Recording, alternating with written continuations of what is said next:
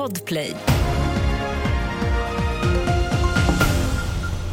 Vi börjar med att snön fortsätter falla och ställa till det på vägarna i Mellansverige. SMHIs orangea varning i delar av Svealand och i Gävleborgs län ligger kvar under förmiddagen. Vår reporter Maria J Holmgren rapporterar från Ludvika.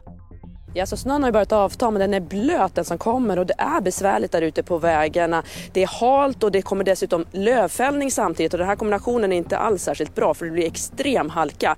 Så att Trafikverket uppmanar alla till att vara väldigt försiktiga om man ska ge sig ut på vägarna och framförallt ha vinterdäck. Alla vägar ska vara framkomliga igen. E18 till exempel över riksgränsen mot Norge som har varit avstängd på grund av stillastående lastbilar. Man ska kunna komma förbi där igen men stor försiktighet om man ska ut på vägarna. Så det senaste om kriget mellan Israel och Hamas. Terrorstämplade Hamas säger att de beskjutit israeliska styrkor som tagit sig in i Gaza tidigt i morse. Det här rapporterar Reuters. Israel har inte kommenterat uppgifterna eller gett någon information om sammandrabbningar i Gaza nu på morgonen. Och vi avslutar med fotboll. Igår kväll korades världens bästa spelare när Ballon d'Or delades ut i Paris. På här sidan gick utmärkelsen till Lionel Messi för åttonde gången i hans karriär. Och på damsidan utsågs Aitana Bonmati från Spanien. Svenska Fridolina Rolfö kom på en fjärde plats. Fler nyheter hittar du på tv4.se. Jag heter Lotta Wall.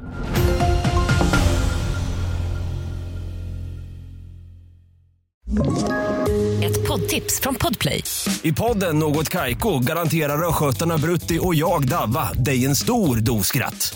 Där följer jag pladask för köttätandet igen. Man är lite som en jävla vampyr. Man har fått lite blodsmak och då måste man ha mer.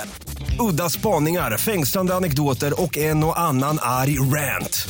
Jag måste ha mitt kaffe på morgonen för annars är jag ingen trevlig människa. Då är du ingen trevlig människa, punkt. Något Kaiko, hör du på Podplay. Därför är gardinerna.